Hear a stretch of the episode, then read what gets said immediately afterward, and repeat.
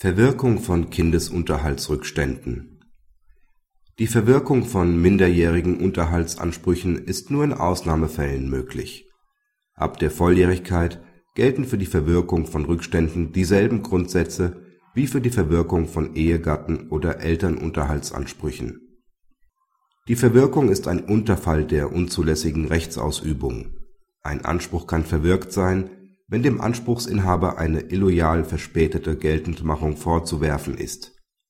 Einem Kind kann dieser Vorwurf bei der Geltendmachung eigener Unterhaltsansprüche frühestens mit Vollendung des 18. Lebensjahres gemacht werden. Erst dann kann es erstmals selbst über die Geltendmachung seiner Rechte entscheiden. Zuvor verwirkte Rechte leben durch den Eintritt der Volljährigkeit aber nicht wieder auf im Gegensatz zu Ehegatten, Eltern und volljährigen Unterhaltsansprüchen verwirken minderjährigen Unterhaltsansprüche nicht allein durch die Nichtgeltendmachung über einen längeren Zeitraum. Minderjährigen ist es im Vergleich zu Volljährigen gerade nicht möglich, den eigenen Bedarf anderweitig zu sichern, zum Beispiel durch Ausweitung der Erwerbstätigkeit oder Eingehung einer Partnerschaft. Stattdessen kommt regelmäßig der betreuende Elternteil für den ungedeckt gebliebenen Unterhaltsbedarf auf. Zum Zeitmoment müssen somit noch außergewöhnliche Umstände hinzutreten, die den Einwand der Verwirkung rechtfertigen.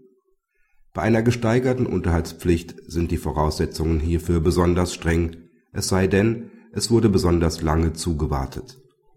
Anders als bei Verjährungs oder Ausschlussfristen reicht es bei titulierten Unterhaltsrückständen zur Umgehung der Verwirkungsgefahr aus wenn diese zunächst ernsthaft außergerichtlich angemahnt werden und bei Erfolglosigkeit zeitnah Vollstreckungsmaßnahmen folgen.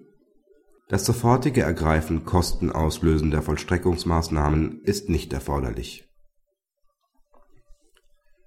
Praxishinweis Ehegatten und Elternunterhaltsansprüche können schon nach einem Jahr und einem Tag der unterlassenen Geltendmachung verwirkt sein, ohne dass noch besondere Umstände hinzutreten müssen Begründet wird diese Rechtsprechung vom BgH damit, dass die für die Unterhaltsbemessung entscheidenden Faktoren nach längerer Zeit nur noch schwer aufklärbar sind.